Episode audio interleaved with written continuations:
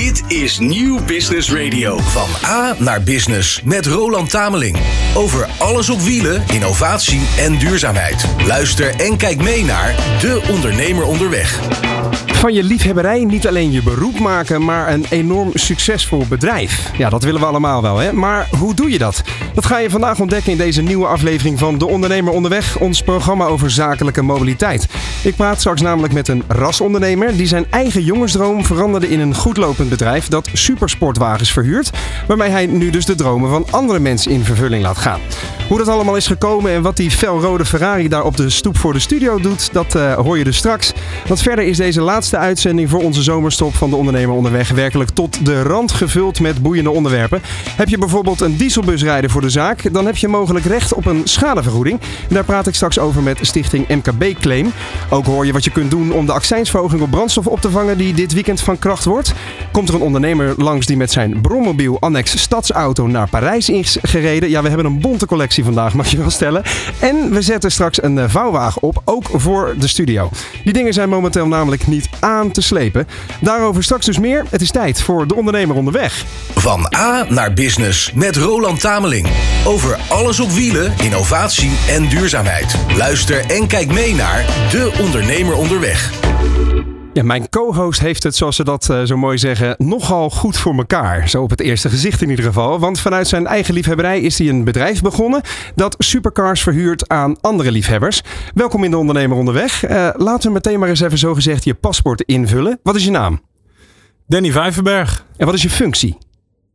Functie in het leven of in mijn bedrijf? ja, wat doe je hier op de aarde? Ja. Ik, uh, ik maak zoveel mogelijk mensen blij die van auto's houden. Oké, okay. En dat doe je vanuit je bedrijf Buena Vidas uh, uh, Supercar Verhuur, hè? Klopt helemaal. Ja. ja. Um, hoe reis jij van en naar je werk? Of in een Maserati of in een Ferrari. Dat zijn de antwoorden die we eigenlijk allemaal wel, wel zouden, zouden willen zeggen. Maar heb je dan zelf een eigen auto staan of pak je om de zoveel tijd iets anders uit je collectie? Nee, de collectie is uh, specifiek uh, voor de doelgroepen waar ik, uh, waar ik mee werk, zeg maar, de liefhebberij. Ja. waarom zou ik het kopen? Ik kan het beter huren. En uh, voor mezelf, ja, heel gek van Italiaanse uh, auto's. Maar ik vind alles in Italië mooi. Ja. Maar uh, vooral de emotie die erin zit, in die auto's. Ja, ja dat uh, maakt me eigenlijk een dag weer blij. En uh, dat we er vervolgens met een blij gezicht voor kunnen gaan. Gewoon werkverkeer met kippenvel op je rug. Ja. Dat idee. Ja, ja en, Als je en jij bent... open draait, dan weet je al hoe, la hoe, laat het weer is. En dan denk je bij jezelf, ja, het is weer zo'n dag. Ja, mooi knallen. is dat. Ja. ik, ik moest ook ik moest wel lachen net hier in de ontvangsthal van de radiofabriek. Toen jij aankwam rijden met de Ferrari die nu op de, op de stoep staat hier voor de studio. Zag je ook allemaal kopjes omhoog gaan. Van, hé, hey, wacht even. Dit klinkt anders dan al die leasebak hier op de parkeerplaats. Dus, en dat effect, zeg maar, dat is het zaadje van jouw succes, kan je wel stellen, hè? Ja, uh, het heeft een uh, hele bijzondere aantrekkingskracht op mensen. En dat blijft het, ja. Uh, wat is het uh, vervoermiddel van je dromen eigenlijk? Dat was de rode Ferrari die hier nu ook staat. Oké. Okay. doel gehaald, zo gezegd. Dat doel is behaald. Okay. Ja. En vervolgens ook uh, daarin verder gegaan natuurlijk. Voor iedereen, uh, ieders karakter is er een ander merk of een ander type auto wat misschien daarbij past. Ja. Uh, ook voor dienstdromen ja, toch mogelijk kunnen maken. Ja. En ook die blije gezichten ja, dat, dat, gaan we straks nog allemaal uitgebreid uitleggen. Wat je allemaal hebt staan in, in, in je pand in Maasluis onder andere. Um, de laatste vraag, of ene laatste vraag is: wat wordt je volgende vakantiebestemming? Even een persoonlijke noot. We gaan volgende week naar Frankrijk. Oh, niet Italië? Nee, deze keer niet. Oké, okay, dat niet. Oké, okay, heel goed. En dan ook met, met de auto? We gaan met de auto. Kijk, heel goed. Ja. En uh, tot slot, deze mag je aan het einde van dit, van dit uur uh, beantwoorden. Uh, want we hebben het natuurlijk over mobiliteit in brede zin. Wat moet er veranderen aan de manier waarop wij reizen?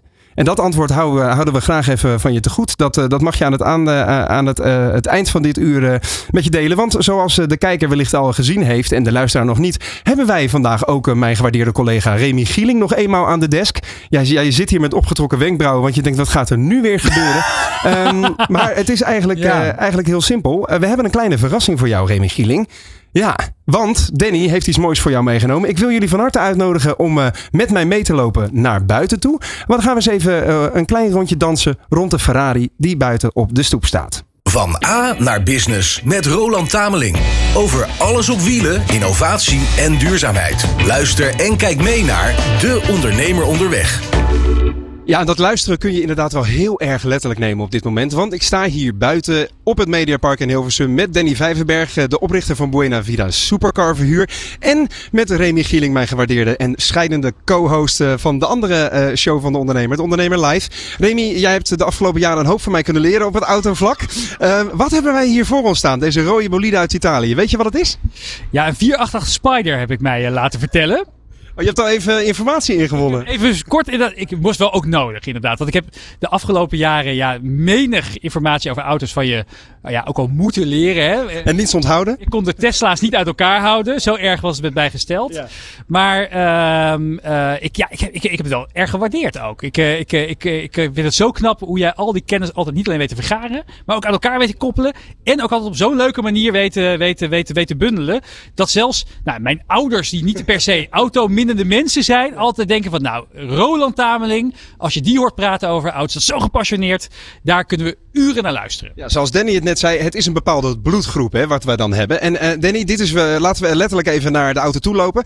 Uh, dit is jouw, jouw droomauto, um, de 488 Spider. eindelijk is die onderdeel van jouw collectie. Waarom wilde jij deze zo graag hebben?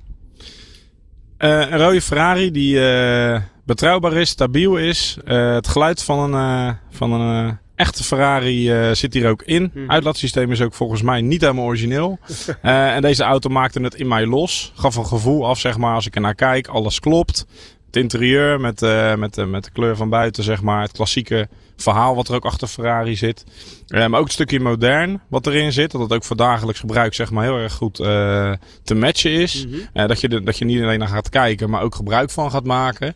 Uh, dat hij je niet laat staan. dat is ook wel mooi meegenomen. en is dit nou het. Dat zit er allemaal in, inderdaad. Is dit nou het hardslopende aanbod uit jouw hele collectie of niet? Nou, sterker nog, dit is mijn privé Ferrari. Deze wordt niet verhuurd. Deze is specifiek voor mezelf. Ja.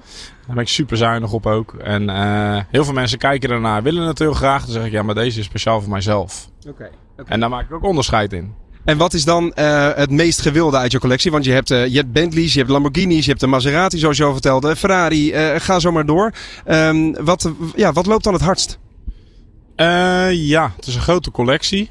Um, Maserati, Ferrari, Lamborghini, McLaren. Oké, dat zijn toch wel de, de droomauto's die de kids nog als poster boven het bed hebben hangen. En als je het dan over verhuur hebt en ook over het uh, onderdeel bruiloft, is uh, Rolls-Royce uh, wel de trekker van de bruiloftauto's. Ja, ja, dat is op zich natuurlijk een logische stap. Remy Gieling, heb jij wel eens Ferrari gereden? Nee, ik heb inderdaad wel ja, de mogelijkheid gehad om ooit in de McLaren te rijden. Ik heb ook al in, in Maseratis gereden in mijn leven, zelfs als niet-autokenner. Dus daar ben ik heel blij mee. Maar nog nooit een Ferrari. Nou, dan heb ik goed nieuws voor jou. Want als, als bedankje en als afscheidje eh, na dit, uh, dit, deze twee jaar radio die we samen hebben gemaakt. Um, is Danny zo vriendelijk om een eh, rit aan te bieden. Meerijden in zijn eigen privé Ferrari. Dus ik wil jullie van harte uitnodigen om in de, in de 488 Spider te gaan, uh, te gaan zitten. Ga jij rechts voorin zitten. Um, ja, dus laat jezelf erin glijden. Doe je gordel goed om. Ja, inderdaad, gordel goed om. Fel rode gordels ook trouwens, zoals het helemaal is. Schitterend, uh, uh, ja, een prachtige lichtbruine bekleding. En uh, Danny stapt ondertussen aan, aan zijn kant in, in deze prachtige open supersportwagen. Ja. je kijkt nog een beetje angstig, Gieling. Ja, nee, je weet natuurlijk nooit hoe hard die dingen wel niet, wel niet kunnen gaan. Nou, gelukkig met de menige hobbeltje hier op het Mediapark zullen we misschien het een klein beetje moeten, moeten, moeten beperken. Ik ben wel heel benieuwd. Nou, laten we hem. Eh, jij zei net al, hier zit tenminste nog een echte V8 in met het echte Ferrari geluid. Laten we maar eens even horen. Kijk, dat is waarom wij toch stiekem glimmende oogjes krijgen van auto's. Lekker hoor. Ik uh, zie jullie rustig uh, van de stoep afrollen hier uh, vanaf het Mediapark. Remy, het was leuk je gekend te hebben. Succes. En Danny, ik zie je graag straks terug. Dan gaan wij ondertussen door in de studio met het laatste mobiliteitsnieuws. Maar niet voordat we even horen hoe deze 488 Spider van de stoep afrolt. Heel voorzichtig. Zorgen dat de bumpers en de splitter heel blijft. Maar dat gaat dus inderdaad, wat uh, Danny al zei, met een uh, verrassend gemak dat de auto heel blijft. En ook nu schadevrij van de stoep afgerold. Dus uh, er wordt nu een klein sprintje getrokken, natuurlijk wel in de bebouwde kom. Dus we houden het netjes. Maar daar gaat Remy Gieling samen met Danny Vijverberg in zijn 488 Spider. En terug naar de studio. Van A naar Business met Roland Tameling. Over alles op wielen, innovatie en duurzaamheid. Luister en kijk mee naar De Ondernemer Onderweg. Ja, terwijl de Ferrari over het Mediapark uh, rolt. Scheuren zullen we niet doen, maar in ieder geval het geluid even goed laten horen. Uh, gaan we even het, uh, het nieuws bespreken van deze week in de wondere wereld van mobiliteit. Want vanaf zaterdag 1 juli, aanstaande zaterdag dus, wordt de accijnsverlaging op brandstof teruggedraaid. Per volle tank zal dit naar verwachting ongeveer 6 tot 10 euro schelen. Dus je peut wordt duurder. Dit blijkt uit cijfers van de mobiliteitspas aanbieder Multitankcard. En daarover ga ik praten met Patrick Rozenboom van Multitankcard. Patrick, van harte welkom eh, in de studio. Dit is eh, slecht nieuws hè, voor iedereen met een brandstofauto. Uh, dat het teruggedraaid wordt is slecht nieuws.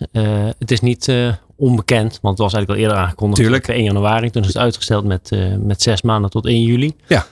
Het kleine voordeel voor de ondernemers zal zijn dat de, het terugdraaien van de verlaging niet zo hoog is eigenlijk als het vorig jaar verlaagd is. Hè. Dus was vorig jaar 17 cent voor euro 95. Dat gaat met 14 cent weer omhoog. Mhm. Dus je zou kunnen zeggen, ik pak 3 cent terug tussen aanhalingstekens. Maar goed, in de praktijk is er wel meer gebeurd de afgelopen 12 maanden. Ja. Waardoor de ondernemer natuurlijk veel meer andere kosten op zich af heeft zien komen.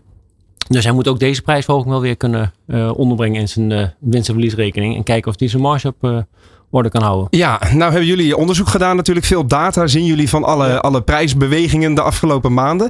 Um, en jullie hebben ook op een, op een rijtje gezet waar je in Nederland het, uh, het goedkoopst kan tanken. Kun jij die, die top 3 eens even met mij delen als je zeg maar euro 95, dus E10 tegenwoordig uh, in, ja. je, in je benzinetank uh, wil stoppen? Maar ik zal nu niet de specifieke tankstations aangeven, maar eigenlijk hoe dichter je bij de oostgrens van Nederland aankomt, of hoe noordelijker, ja. hoe goedkoper het wordt.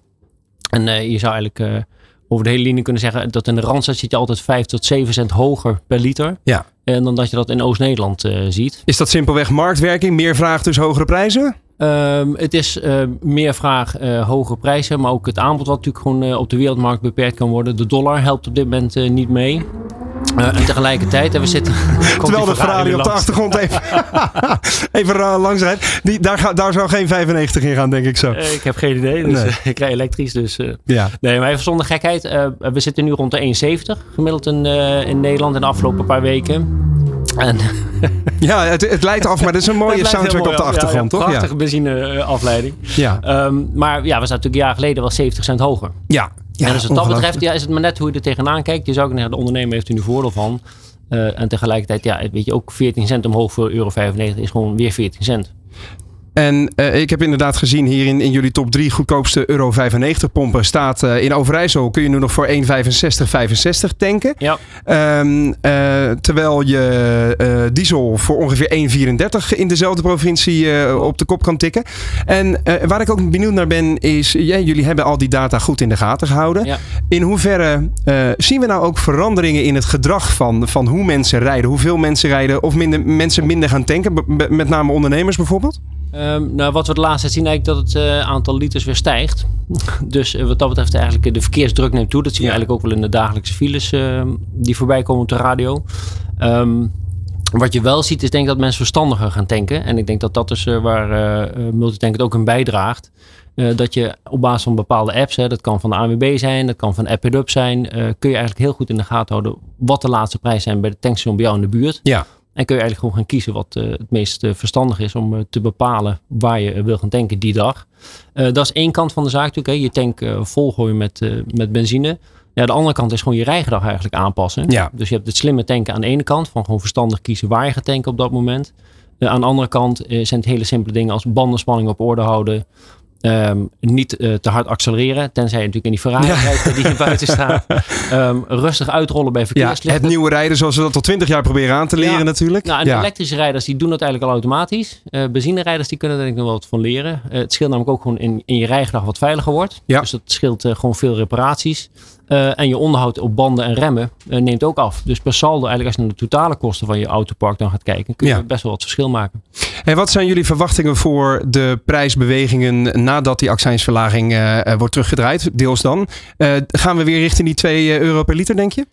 Uh, nou, de markt op dit moment lijkt niet dat het naar beneden gaat komen. Hmm. Uh, dus het lijkt eerder richting de 2 euro te gaan dan niet. Ja. Uh, maar we zitten er, je zou kunnen zeggen, gelukkig nog 30 cent vanaf. Ja, je hebt al een aantal tips gegeven, waarvoor dank. Zijn er nog laatste tips waarvan je zegt van goh, in deze markt en, en toch de grilligheid vanuit de regelgeving, hè, vanuit de het fiscale wereld bijvoorbeeld. Um, wat zijn nou nog de gouden grepen die ondernemers nog meer kunnen toepassen om ja, de kosten van hun reisbewegingen onder controle te houden? Ik denk ook af en toe gewoon, ja, misschien niet voor de, voor de autorijder het ideale zeg maar, advies. Maar gewoon ga ook eens kijken voor de korte ritten. Dat je misschien met de fiets of met de trein of met uh, ander openbaar vervoer kan gaan. Ja.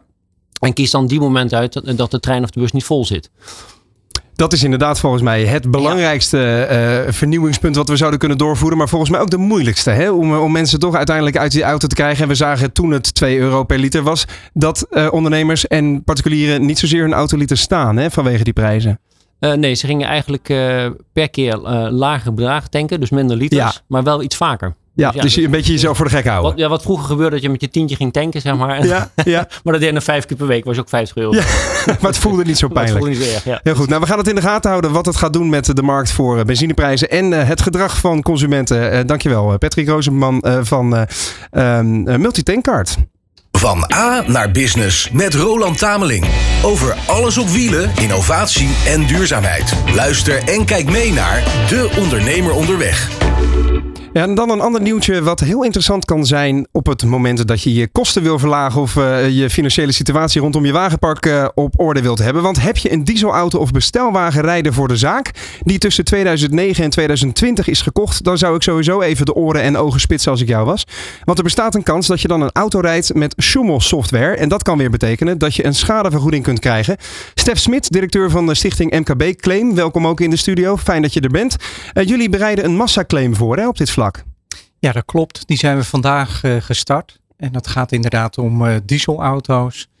En uh, goed nieuws voor ondernemers die zo'n diesel de afgelopen jaren in bezit hebben gehad, die hem gekocht hebben. Mm -hmm. De rechter heeft daar inmiddels van gezegd, als je een nieuwe Schumel diesel hebt gekocht, heb je recht op een vergoeding van 3000 euro. Ja. En was het een tweedehands, dan krijg je 1500 euro. En jullie zetten dit specifiek op voor bedrijven, hè? Deze, deze claim? Ja, klopt. We hebben de afge... Kijk, met onze zusterorganisatie Consumentenclaim zijn we al langer actief uh, op dit gebied. Maar de laatste tijd kregen we heel veel vragen van uh, bedrijven. En toen dachten we, nou, daar gaan we iets voor opzetten. En het, het verbaasde me ook hoeveel uh, bedrijfsmatige dieselvoertuigen er zijn. We hebben dat onderzocht. Dat zijn er meer dan een miljoen. Alleen al ruim 750.000 bestelauto's en busjes. Ja. Dus ja, als je uh, als bedrijf die uh, voertuigen gekocht hebt in de periode die je net noemde. Ja. Ja, dan kom je in aanmerking uh, voor die compensatie. Ik kan me voorstellen dat de luisteraar en kijker meteen de neiging heeft om na dit gesprek naar de parkeerplaats te rennen. Hoe weet ik of ik een voertuig heb dat in deze categorie valt? Nou, ze hoeven niet naar de parkeerplaats te, te rennen. Ik zou zeggen, blijf lekker achter je laptop of je computer zitten. Ja. We hebben op de website een hele uh, gebruikersvriendelijk uh, kentekencheck.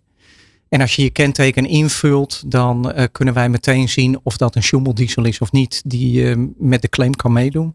En wat zijn dan de volgende stappen? Stel, ik kom in aanmerking voor bijdragen of meedoen aan jullie claim. Ja, eigenlijk hoef je niet zo heel veel te doen. Uh, je meldt je aan. Het is fijn als je nog uh, wat bewijsstukken hebt. Bijvoorbeeld een aankoopnoot of een kentekenbewijs. Het is niet per se nodig, maar het zou in de toekomst nog nodig kunnen zijn. Dus ons advies is voeg dat toe aan je digitale dossier waar je bij ons dan uh, toegang toe krijgt. Ja. En daarna moet je het gewoon verder aan ons overlaten. We zijn al jaren aan het procederen. We hebben daar ook al een klein beetje rekening gehouden met bedrijfsmatige claims.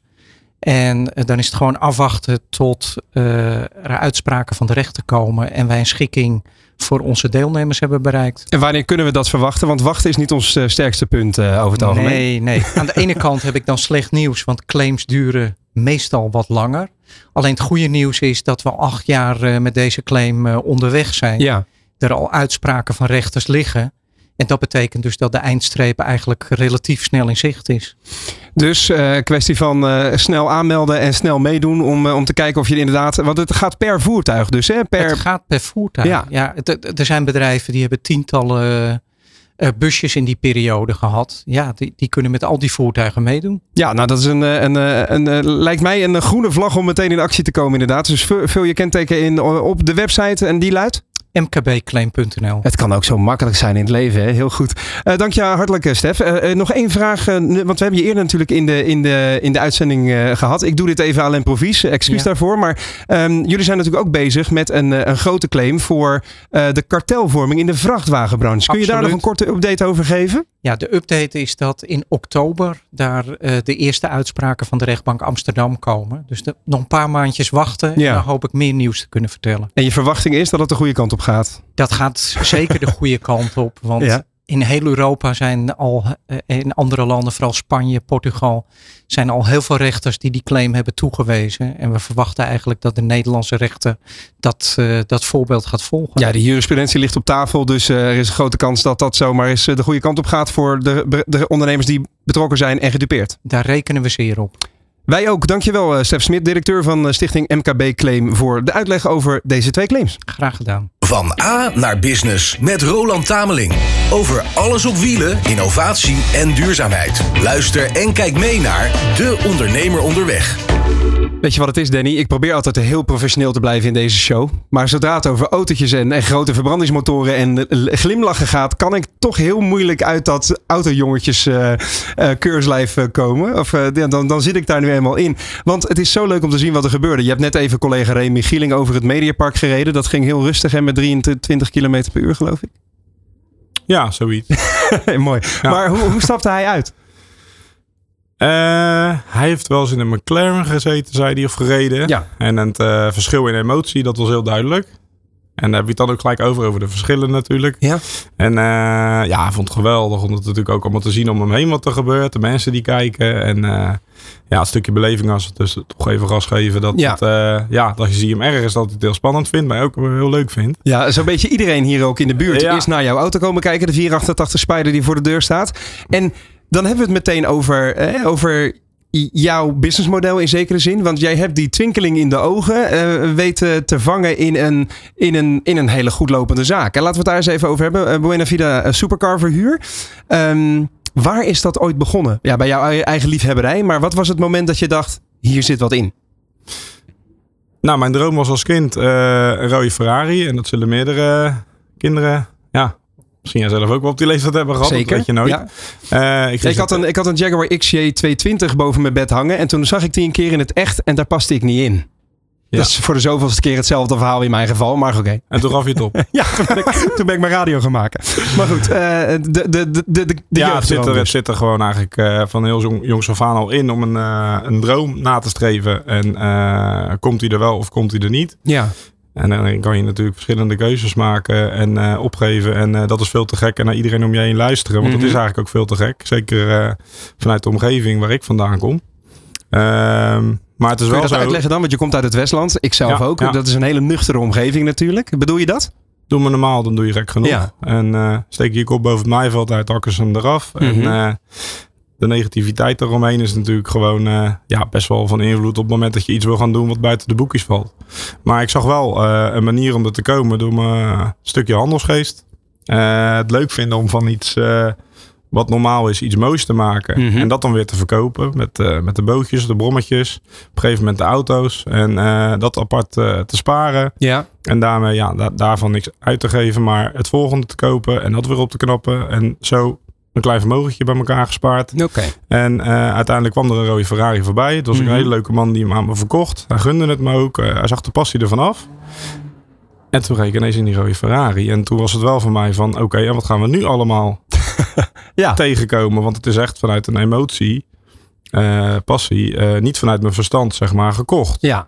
Alleen omdat ik het voelde dat dat gewoon iets is wat ik heel graag wilde en wilde beleven. En hoe gaaf het ook was. Maar uiteindelijk heb je dat dus wel naar het publiek gebracht. Wat, hoe, hoe is dat gegaan toen dan? Het, toen, dan kom je dus de onderhoudskosten tegen. en de dingen die stuk gaan. En dat je denkt, ik heb toch niks uh, verkeerds gedaan ja. met schakelen. Maar dan gaat toch een lampje branden. En dan denk je, zo, dat is eigenlijk best wel moeilijk. Okay. Om dit te rijden. Hmm. Te kopen, één.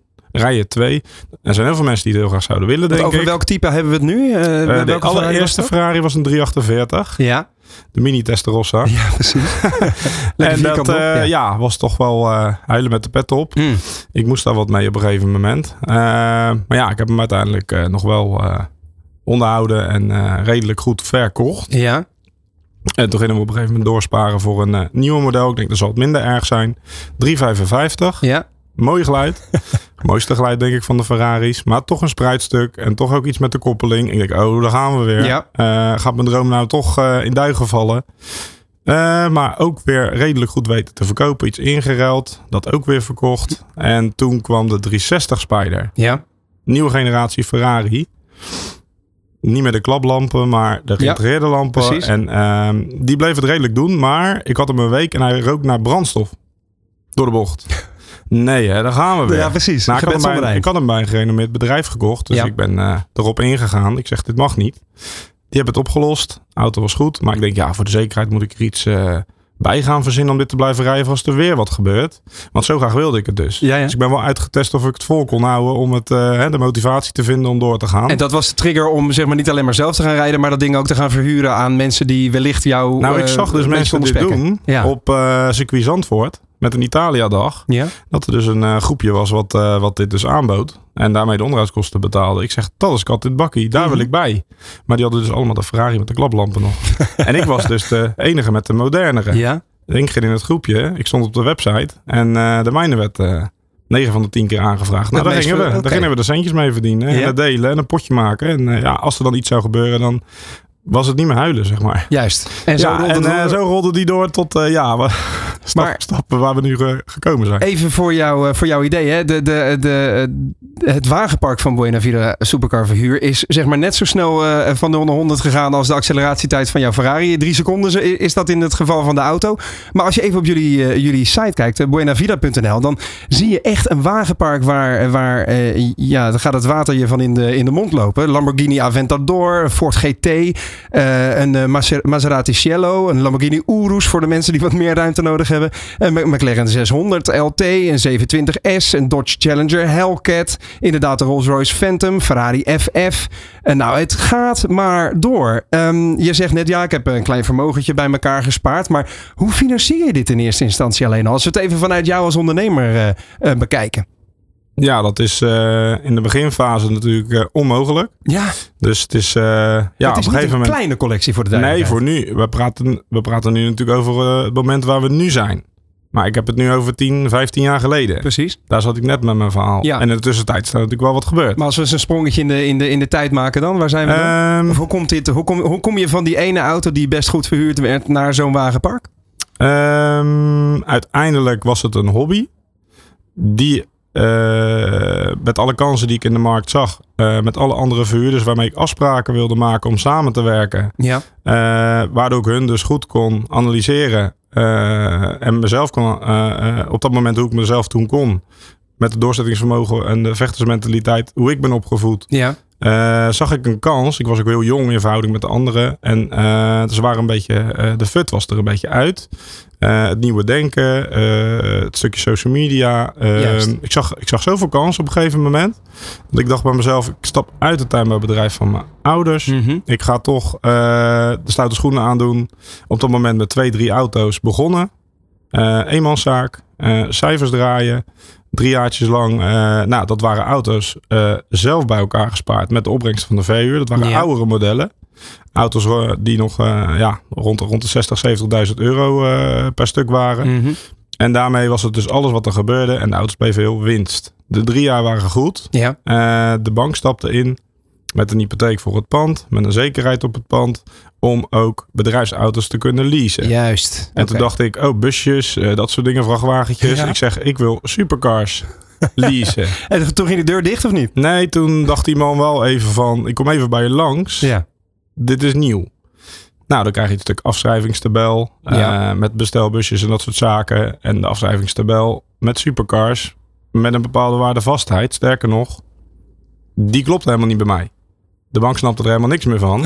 Soms ging er een auto na zoveel jaar weer de deur uit.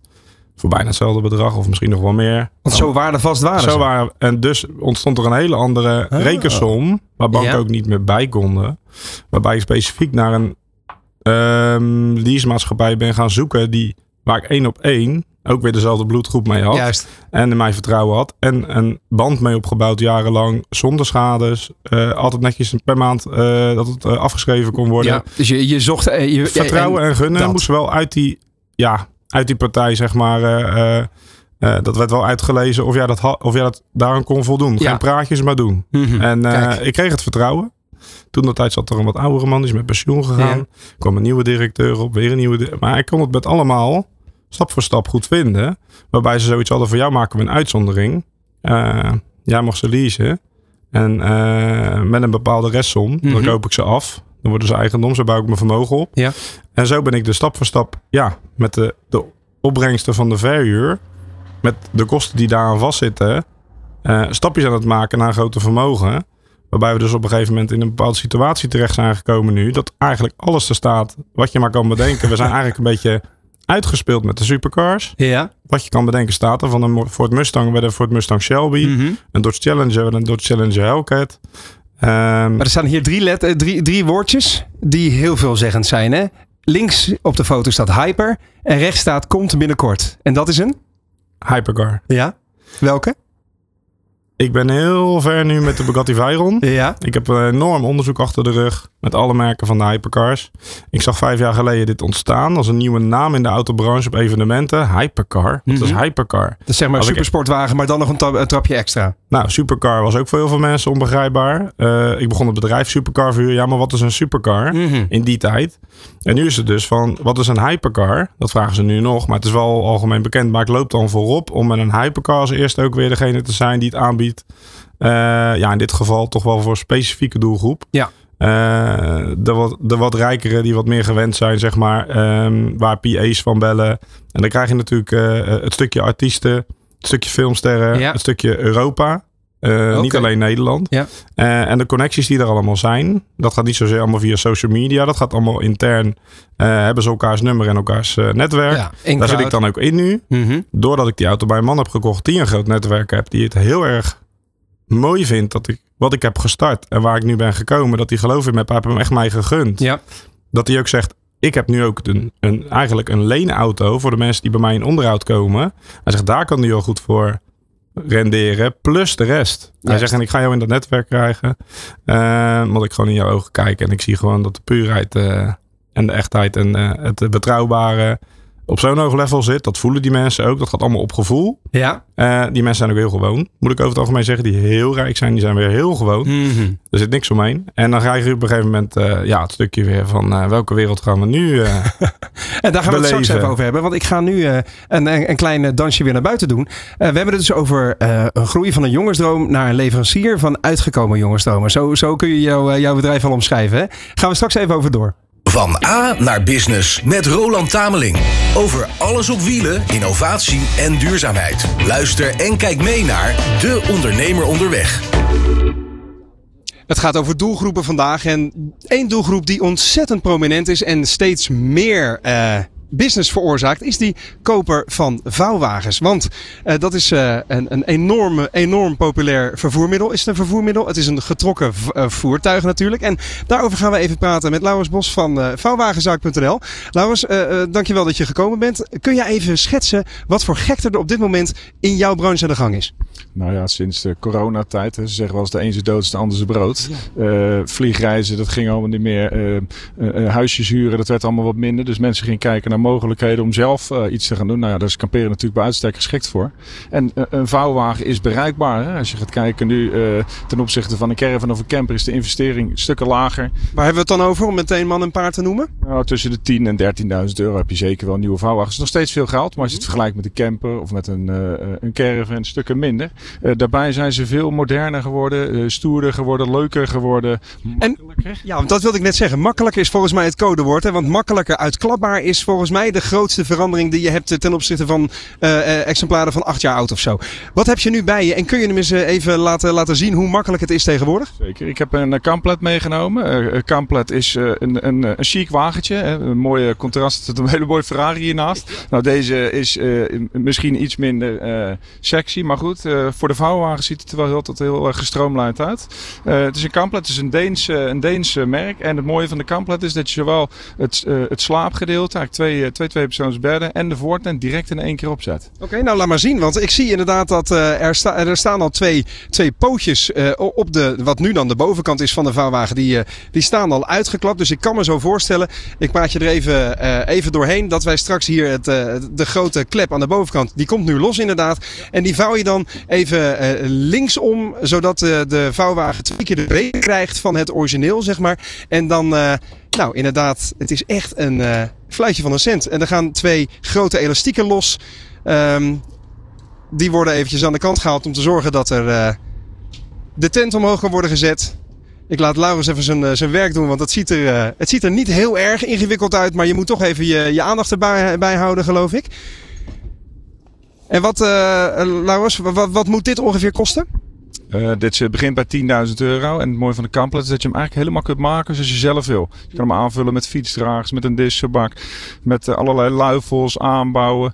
Dus voor mensen met twee automaten geschikt. Maar je kan er ook prima met het gezin mee weg. Ja, want um, ten opzichte van de, de, de caravanmarkt is de vouwwagenmarkt echt nou tientallen procenten per jaar nog aan het groeien. Hè? in jouw geval, hoeveel, hoeveel year op year pak je? Uh, ik, ik, ik, geloof dat de cijfers op dit moment op 21% plus zitten.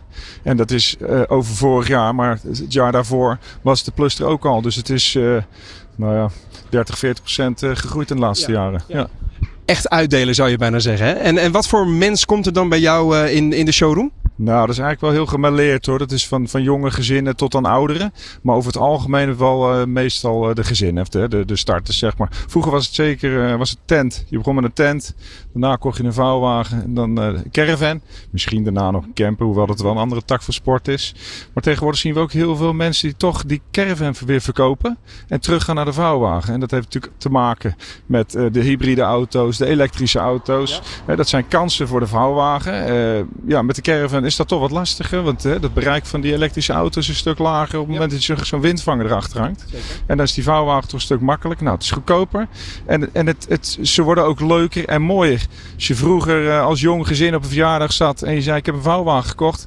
Ja, dan werd uh, die vroeger die Alpenkrootje met uh, weet ik veel hoeveel duizend losse stokken. Ja. En die tijd is echt voorbij. Dus... Ja, daar, daar hing toch een beetje een soort beige gevoel omheen. Hè? Als jij hem even de, de rest van het opzetproces vervolgt, dan zal ik inderdaad even proberen te schetsen wat wat uh, het verschil is van zo'n vouwwagen ten opzichte van een caravan. Hè? Ik heb laatst een reportage gemaakt met een nou, redelijk compacte caravan. Maar die woog toch nog zomaar 1000 tot 1200 kilo. Dit, uh, Laurens, vertelde jij, dit is, weegt minder dan 300 kilo, hè, deze, deze Camplet. Nou, dat, dat wil wel wat zeggen. En hij is natuurlijk ook een stuk lager uh, vergeleken met de opbouw van een, van een grote caravan.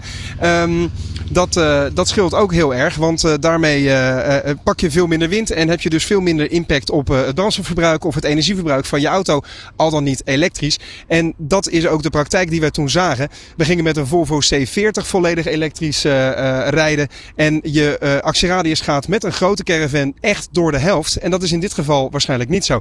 Um, we zijn nu klaar om hem rechtop te trekken. De grote truc, laat maar zien. Wat ga je doen? Ja? Ik trek hem op. Ik loop een aantal stappen naar achter. Eigenlijk vouwt de tent zich helemaal automatisch uit. Ja. Hij is nog wat laag. Dus ik ga nu de twee vreemde delen binnenin uitschuiven. En dan heb je eigenlijk uh, direct de tent al staan. Het is ook, eh, ik moet meteen denken aan de mensen die op de camping gaan zitten en dan gaan klaarzitten om te kijken hoe de, de nieuwe buren gaan stuntelen met het opzetten van hun vouwwagen. En dan, dan doe je zeg maar foutje, foutje, foutje, bedankt en hij staat. Dus uh, het, uh, het leedvermaak wordt wat minder op de camping hè? Dat is uh, absoluut waar ja. Hoop, men, hoop mensen die zetten inderdaad de stoel met het biertje of het wijntje klaar. Zo van nou we gaan eens even kijken. Handen wrijvend. Exact, hoe die mensen de vouwwagen op gaan zetten. Dat hebben we de komende uren in de schouwspel. Maar ja, die tijd is wel voorbij. Ja. Want het is nu uh, een zestal haring in de grond. En eigenlijk staat de vouwwagen al. Je hebt twee, uh, twee tweepersoonsbedden. Of je gebruikt één bed voor uh, bagage en de andere om te slapen. Je, zet er een, je, zet, legt er een matje neer, je zet je keukentje op mm -hmm. en je bent klaar.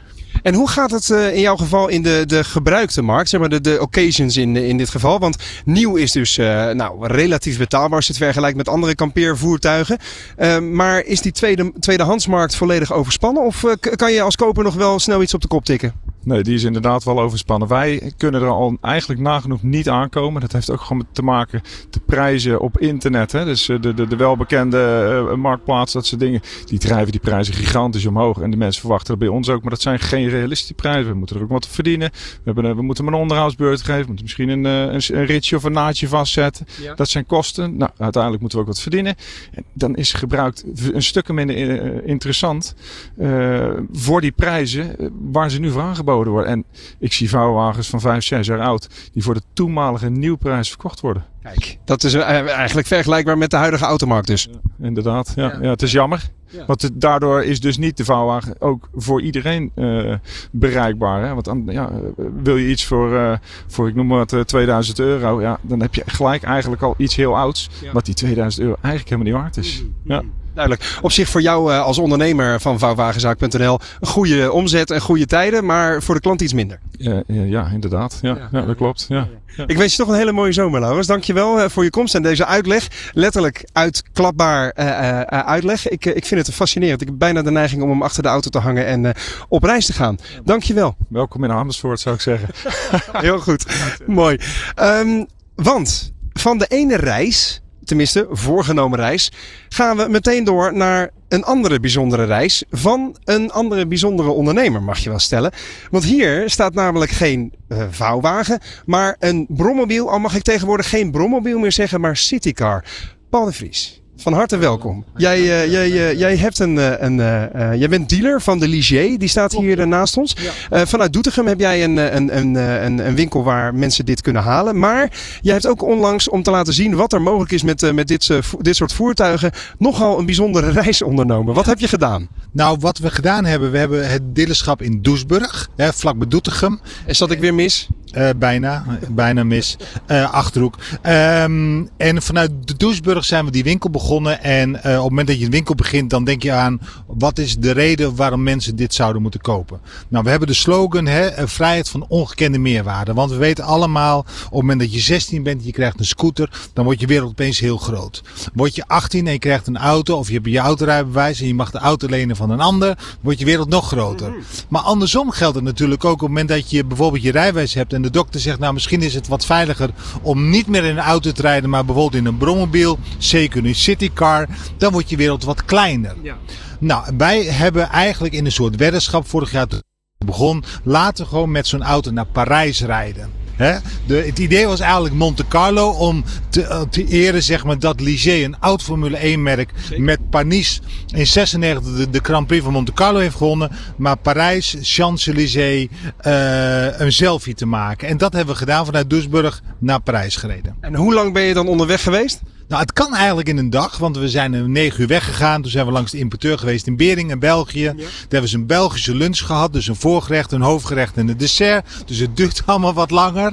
Maar, weet je, en uh, s'avonds hebben we ergens overnacht. En de volgende dag waren we vroeg al in Parijs. Dus het, je kunt het prima doen, maar het laat ook zien dat je vrijheid van ongekende meerwaarde hebt, omdat je overal kunt rijden. Dus je wereld is wel kleiner geworden, bij wijze van spreken, maar hij is ontzettend groot. Want op het moment dat je het goed plant, en dankzij kronkelroutes eh, met Leendert, die had een fantastische route voor me gemaakt om naar Parijs binnen door te kunnen rijden, uh, uh, is je wereld nog steeds heel groot. Ja, dat uh, is een mooi linkje naar de auto die je hier naast je hebt staan. Hè? Want in dit geval uh, staat er inderdaad een Ligier die helemaal bestickerd is met kronkelroutes.nl voor jouw brommobiel.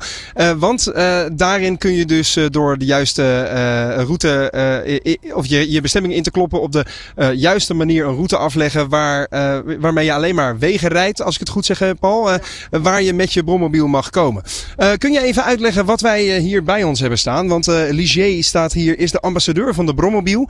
Ja. Wat maakt deze deze uh, Ligier anders dan wat er nog meer te koop is op de markt? Nou ja, kijk, dit is in dit geval de JS60. Hè. Het topmodel is een premium merk. Wordt in Frankrijk gemaakt. Hè. Dus als je het over last mile solutions hebt op elektriciteit, dan heeft Ligier daar een prachtprogramma voor. Mhm. Maar Ligier is gewoon een premium merk. Dat betekent dat, je, dat het eigenlijk een soort SUV is. Als een brommobiel, als een citycar. Staat wat hoger op de wielen. Je kunt zeven kratjes bier meenemen. Dat hebben we uitgerekend. Ja, ja, hebben we hebben getest. Alcoholvrij overigens. Dus het heeft heel veel benen. Oh, het heeft heel veel ruimte. Kun je mij dat even laten zien dan? Want uh, ik ben wel benieuwd. Want het ziet er inderdaad uit als een soort... Ja, je kent misschien de Smart wel. Hè? Een, een, een, een tweedeurs autootje waar je tweetjes in, in kunt zitten. Maar gigantische kofferbak. En, ja, dat valt inderdaad niet tegen. En, en er past dus ontzettend veel boodschap in. En op het moment dat dit je vervoerd is en je moet gewoon naar de, naar de, naar de Albert Heijn. En je hebt natuurlijk nu concurrenten die, die ontzettend leuke auto's maken. Maar er kan nog geen knikker in. Mhm. Kijk, dit is echt een volwaardige alternatief voor de auto als je geen auto kan rijden op wat voor manier dan ook. En over wat voor concurrenten heb je het dan? De Opel Rocks E bijvoorbeeld? de, dat, dat soort uh, compacte stadsauto's? Ja, en dit hebben we nog in een diesel uitvoering en zometeen ook de volgende week of in de komende twee weken hebben we de Miley in de elektrische variant 192 en de kilometer actieradius. Ja? Dus het is een volwaardig alternatief voor een auto uh, voor, een, voor een goede redelijke prijs. Ja. Die prijs, waar moeten we dan aan denken? Als je, stel je wil dit inderdaad als uitbreiding van je zakelijke wagenpark neerzetten. Dat kan dus ook. Hè? Er passen heel wat stickers op, dat is wel duidelijk. Waar moet je dan aan investering uh, aan denken? Nou, het voordeel voor een ondernemer is, en we verkopen de auto, uh, de Citycar, heel veel aan ondernemers voor hun dochters, hun zoon en dergelijke. omdat je namelijk geen bijtelling hebt. Je kunt hem natuurlijk afschrijven op de balans, op de winst- en verliezenrekening. Restwaarde is bijzonder hoog. Hè? Dus je kunt hem na twee jaar per jaar weer makkelijk naar, uh, naar ons toe verkopen. Ze zijn er vanaf 13.995. Een Microcar Progress met een Progress motor. Mm -hmm. uh, het topmodel 21.995. En we hebben speciaal voor de Formule 1 um, ja, fans eigenlijk. Hè, hebben we de Heritage Edition gemaakt. Dat is een uh, Ligier JS60, maar daar hebben we de 43 van gemaakt. Want de JS43 was de auto van Panis die Monte Carlo won. Ja. Staat ook allemaal aan de zijkant en dergelijke. Weet je wel, de Grand Prix van uh, het circuit van Monte Carlo staat op het dak. En die kost ook 21,995. En natuurlijk in het blauw, Ligier blauw. Dus in zekere zin is het een, uh, een, een, een verantwoorde manier. Een, ja. uh, een, een, een, een, charmante manier ook wel ja. om jezelf in de picture te rijden. Uh, wat is voor jou nu de belangrijkste doelgroep? En, en waar komt de zakelijke markt om de hoek kijken? Nou kijk, de belangrijkste doel uh, is eigenlijk de, de, mensen die hun rijbewijs kwijtraken. Die wel een brommobiel citycar mogen rijden. Maar daarvan verwacht ik eigenlijk, die vinden hun weg naar hun dealer altijd wel. Mijn doel is met, uh, met, met het dealerschap om de jeugd te bereiken. Mm -hmm. Dus ik moet het gewoon sexy maken dat het leuk is om in een citycar te rijden. En een brommobiel, misschien denk je dan een Openoma of iets dergelijks, weet je wat. Daarom ook Citycar, maar daarom ook zeg maar met de Miley en met alle andere dingen, met de F1 attributen en dergelijke, maken het eigenlijk sexy. Kijk, de sexy citycar. Dat is uh, inderdaad ook uh, heel veel grote fabrikanten doen dat nu. Hè. Je zag laatst uh, de Microlino uit Zwitserland. Hè. Een soort BMW Isetta die opnieuw op de markt wordt gebracht. Een heel klein eitje, ook elektrisch. Opel is er dus mee bezig. Fiat heeft de Topolino opnieuw leven ingeblazen. Feitelijk allemaal compacte stadsauto's die elektrisch zijn en op een soortgelijke basis rijden. En inderdaad van zo'n 8000, 9000 euro te koop zijn tot die Microlino is volgens mij ook gewoon lachend 22.000 euro Biro kennen we natuurlijk allemaal. Dat, is ook, dat zijn geen, geen hele goedkope vervoersmiddelen. Fantastische producten, maar het biedt als je gewoon heel objectief bekijkt echt minder dan het premium merk in dit segment en dat is echt Ligier. Ja, dus volgende vakantie weer voor jou in de Ligier naar, uh, naar Monte Carlo of Parijs, uh, Paul? Jeep, maar goed, dat is wat anders. Hè? Die kan dan wel gewoon mee voor de lokale ritjes. Ik dank je wel en uh, succes ook met, met jullie winkel vanuit Doesburg. Graag gedaan, dank je wel. Van A naar Business met Roland Tameling. Over alles op wielen, innovatie en duurzaamheid. Luister en kijk mee naar De Ondernemer Onderweg. Nee, je kunt zeggen wat je wil, Danny, maar we hebben een bonte stoet aan voertuigen gehad in deze aflevering van de Ondernemer Onderweg. Jouw Ferrari 488 Spider, net een, een vouwwagen. En nu uh, zie je nog buiten de Ligier staan, een, uh, een brommobiel slash citycar. Um, wat denk jij? Het schijnt dus hele goede business te zijn. Doet, doet dit iets bij jou, zo'n zo'n compacte stadsauto? Ik vind het heel leuk dat er mensen zijn die dat zeg maar uh, leven inblazen en op een bepaalde manier een gigantische fun hebben. Ja. Uh, maar ik vind het wel een, een, prijskaartje hebben voor de fun die het geeft. Denk ik zelf dat ik het niet in de markt zou zetten. Het zelf. is best fors. Je moet, je moet er wel heel veel affiniteit mee hebben natuurlijk dan. Ja, ja. Uh, Paul vertelde net mij van de Ligier Tour Doesburg van dat zijn doelgroep vooral mensen zijn wiens rijbewijs niet meer geldig is. Dus die, die, die moeten wat kleiner gaan rijden en die hebben voldoende aan een, aan een stadsauto. Maar jij verhuurt supercars met uh, Buena Vida Supercar Verhuur. Wat is voor jou nou de belangrijkste doelgroep? Waar, waar, waar spin jij garen bij? Eigenlijk is de doelgroep een beetje aan het verschuiven. Hmm. Um, het gaat een beetje naar huren, het nieuwe kopen. Dus eigenlijk gaat de doelgroep voor mij nu naar next level. En dat is eigenlijk de supercar eigenaar ja. Die zelf beseft wat de kosten zijn en de hoeveelheid ritjes die die per jaar maakt. Oké. Okay. Om die, zeg maar, uh, bij te praten op het gebied van waarom zou je ze niet huren? Je ziet het er ten eerste niet vanaf.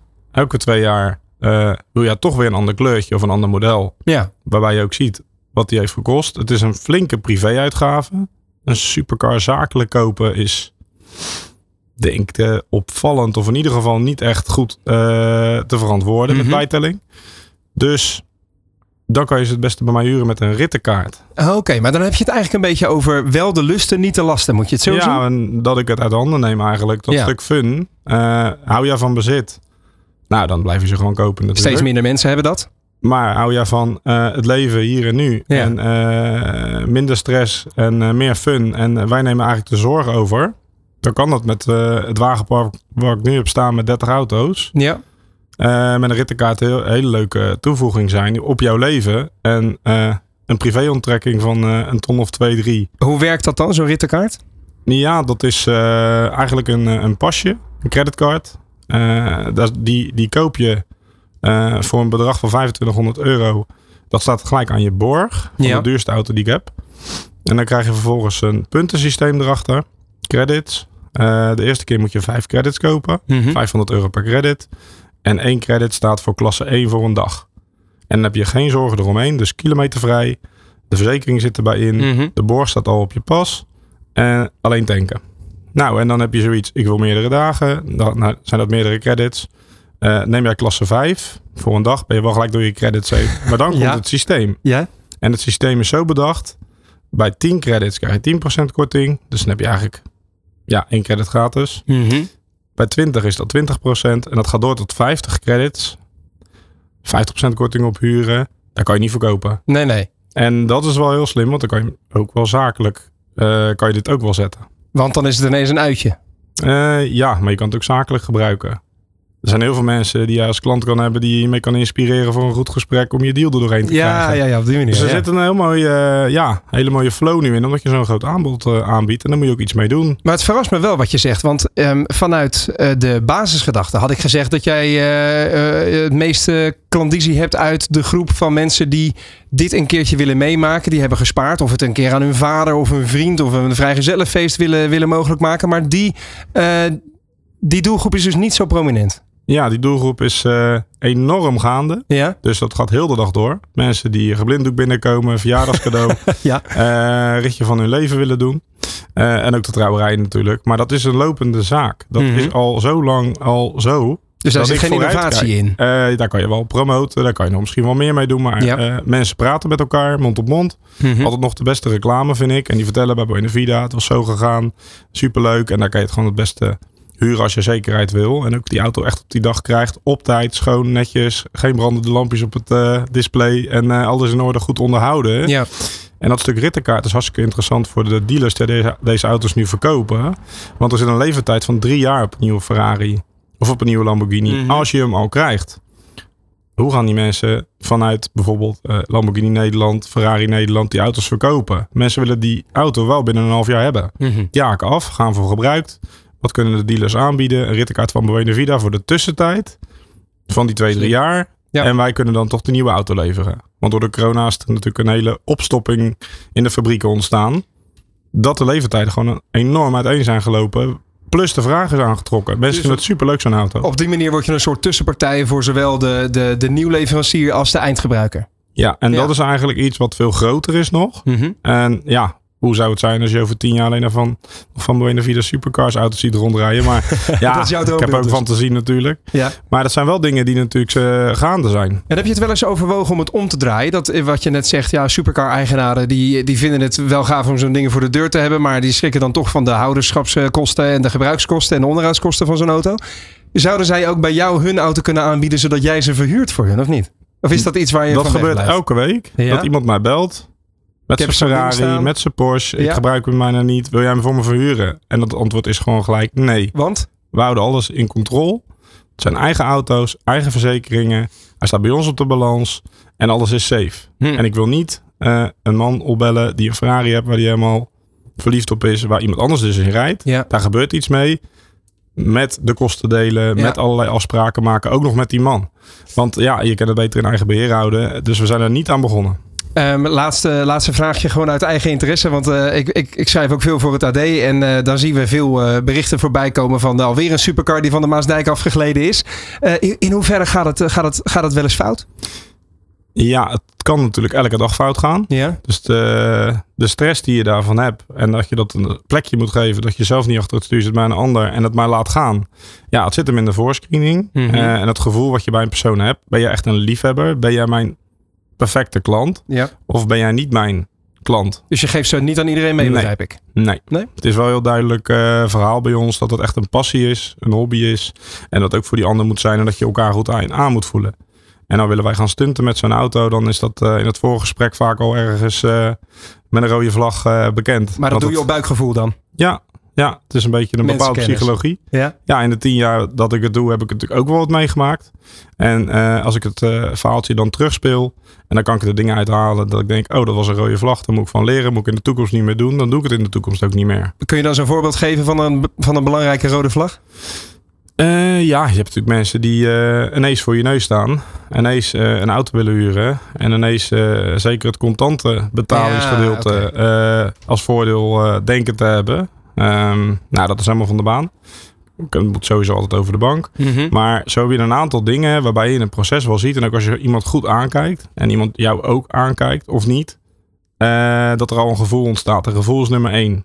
Ja. Bij ons. Van rode vlaggen gaan we naar rode lampen. Want het is nog maar twee minuutjes. En dan is dit, eh, dit eh, seizoen van de ondernemer eh, onderweg alweer tot een einde gekomen. Dus ik ga jou de laatste vraag stellen van dit uur, Danny. Ik stelde je aan het begin van dit uur de vraag: wat moet er veranderen aan de manier waarop wij reizen? Nou, het liefst natuurlijk met een Ferrari met een V8. Maar wat is daarop jouw antwoord? Ik ben het ergens eens met het stukje klimaat. Mhm. In hoeverre het waar is. Persoonlijk ben ik wel heel eigenwijs daarin. Ik wil genieten van het reizen.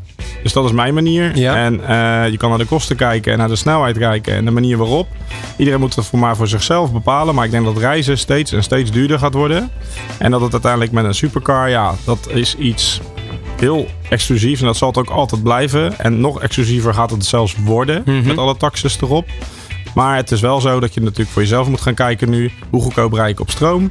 En eh, ja, waar gaat het uiteindelijk om? Dat ik eh, mijn lichaam verplaats van A naar B. Ja. Ja, ga voor de goedkoopste manier. En eh doe, leuke toe dingen, zoiets. doe leuke dingen met je andere centen. Zo is dat.